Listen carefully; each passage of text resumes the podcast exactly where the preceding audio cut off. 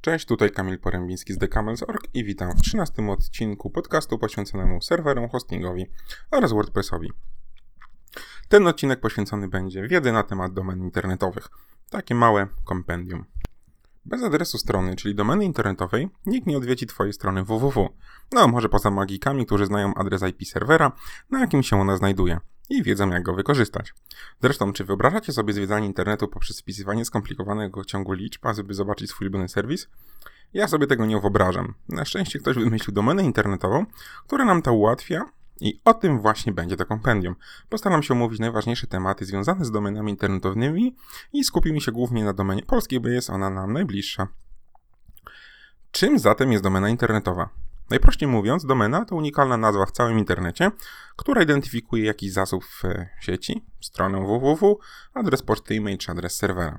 Nazwa ta składa się z ciągu znaków oddzielonych kropkami, gdzie na samym końcu zawsze znajduje się domena najwyższego poziomu. Dla Polski jest to .pl, inne kraje mają swoje końcówki, np. Niemcy posiadają .de.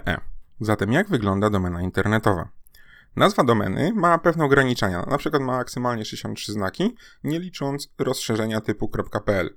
Może ona się składać wyłącznie z liter alfabetu łacińskiego, cyfr oraz znaku minus. Znak minus nie może występować na początku, na końcu oraz jednocześnie na trzeciej, czwartej pozycji w nazwie domeny. Wyjątkiem są domeny IDN, o których opowiem potem. Domeny możemy podzielić na kilka typów. Są to domeny krajowe typu .pl, .de, .es, domeny regionalne, np. .waw.pl, .śląsk.pl, domeny funkcjonalne, czyli .com.pl, .org.pl, .biz.pl. No i domeny rządowe, np. .gov.pl ic.gov.pl. Domeny typu rządowego mogą zarejestrować wyłącznie uprawnione podmioty, jak organy władzy publicznej, organy samorządu zawodowego, reprezentujące osoby wykonujące zawody zaufania publicznego. Mamy jeszcze domeny typu enum i domeny IDN. Domeny enum jest to taka specjalna platforma technologiczna, która umożliwia zmianę numerów telefonów ze standardu E164 na adres domeny internetowej. Dla enum uzyskanie adresu IP, np. serwera, na którym znajduje się strona www, nie jest kluczowe. Chodzi przede wszystkim o wywiązanie różnorakich usług telekomunikacyjnych z zapisanym w postaci domeny internetowej numerem telefonu. Więcej informacji na temat domen EMU znajdzie się na stronie dns.pl łamane na enum. Domeny IDN, czyli Internationalist Domain Name, to tak naprawdę domeny z ogonkami. Dzięki tej technologii możliwe jest zarejestrowanie domeny, w której są użyte diaktoryczne znaki narodowe charakterystyczne dla danego języka. W przypadku polskiej domeny internetowej mogą to być znaczki typu sici, on, en.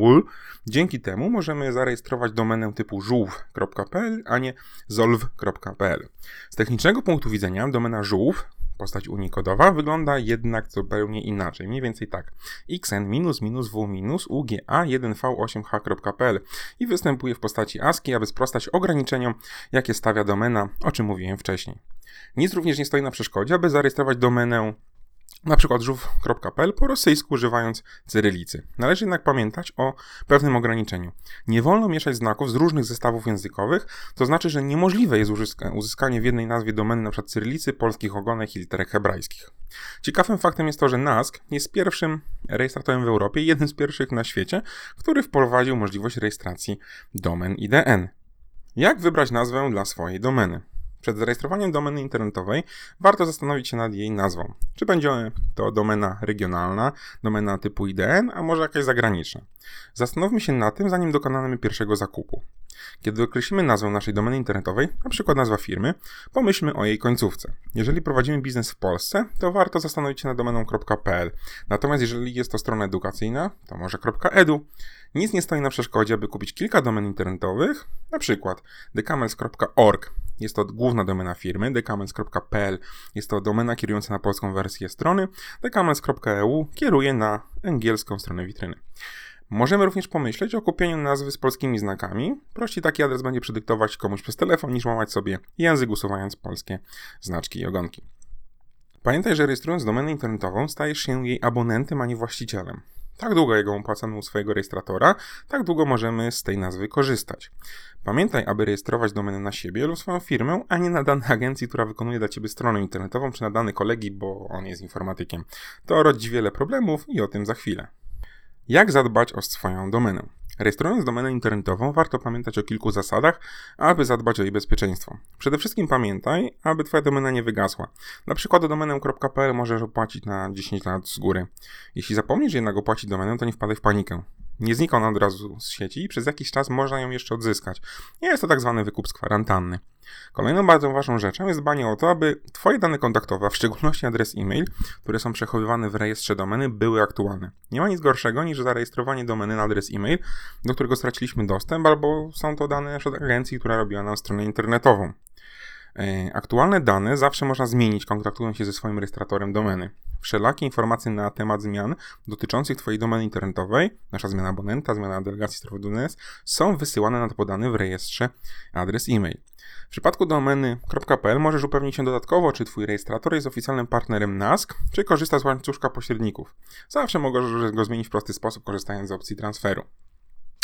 Czym jest transfer domeny? Transfer domeny to zmiana rejestratora domeny, czyli firmy, która będzie ją obsługiwała Twoją domenę od strony technicznej. Transfer domeny nie zmienia abonenta. Głównym powodem transferu domen jest przejście do firmy, która posiada jasny cennik opłat za domenę. Wiele firm kuszą promocją, ceną za pierwszą okres rejestracji np. domeny za 0 zł, po czym warunki promocyjne są tak skonstruowane, że aby korzystać z danej domeny musimy zapłacić za kolejne lata nawet 2 lub 3 razy więcej. Warto również zapoznać się z procedurą przeniesienia takiej domeny, aby nie była ona skomplikowana. Domenę można też przenieść do firmy hostingowej, w której już mamy serwer, aby wszystko było opłacone w innym miejscu. Często zdarza się klientom, że po opłaceniu serwera zapominają opłacić domeny w innej firmie, no i strona przestanie im koniec końców działać. Przeniesienie obsługi domeny do innego operatora jest również bardzo ważne, ważne i zazwyczaj wymaga tych samych kroków dla większości domen. W przypadku domeny.pl transfer ten jest bezpłatny i nie zmienia daty ważności domeny. Warto pamiętać, że każdy rejestrator domen posiada swoje procedury. Na przykład transfer domen globalnych jest płatny, ale przedłuża jej okres ważności o jeden rok. Kolejnymi takimi różnicami są daty, kiedy można taki transfer wykonać. Na domen.pl musimy mieć 5 dni po jej zarejestrowaniu lub transferze, aby doszło do kolejnego transferu. W przypadku domen globalnych typu .org, .com jest to aż 60 dni. Domena europejska.eu nie ma takich ograniczeń. Co jest potrzebne do transferu domeny? Do przeniesienia domeny do innego rejestratora będzie konieczne uzyskanie od obecnego kodu autoryzującego zwanego audinfo, czasem nazywanym outcode lub EPP. Każdy rejestrator posiada swoją procedurę uzyskania takiego kodu. Niektóre firmy wymagają wypełnienia wniosku i wysłania go pocztą tradycyjną i dokładnie tą samą metodą trwa odesłanie nam kodu. Jest to bardzo uczęszliwe i czasochłonne, dlatego jeżeli chcemy przenieść domenę od takiego rejestratora, to należy się tym zainteresować dużo wcześniej i zostawiać tego na ostatnią chwilę, bo domena może wygasnąć, za czym zdążymy ją przenieść do innego rejestratora. Pamiętaj, że na Twoje żądanie rejestrator zobowiązany jest niezwłocznie wydać kod info i nie może uzależniać wydania kodu od spełnienia dodatkowych warunków, w tym np. uiszczenia opłaty za wydanie takiego kodu. Przed uzyskaniem kodu autoryzującego, rejestrator musi się upewnić, że wnioskuje o niego faktyczny abonent domeny, a nie osoba postronna. Kod autoryzujący należy podać nowemu rejestra,torowi w sposób bezpieczny, np. poprzez panel klienta. Jak wygląda transfer domeny?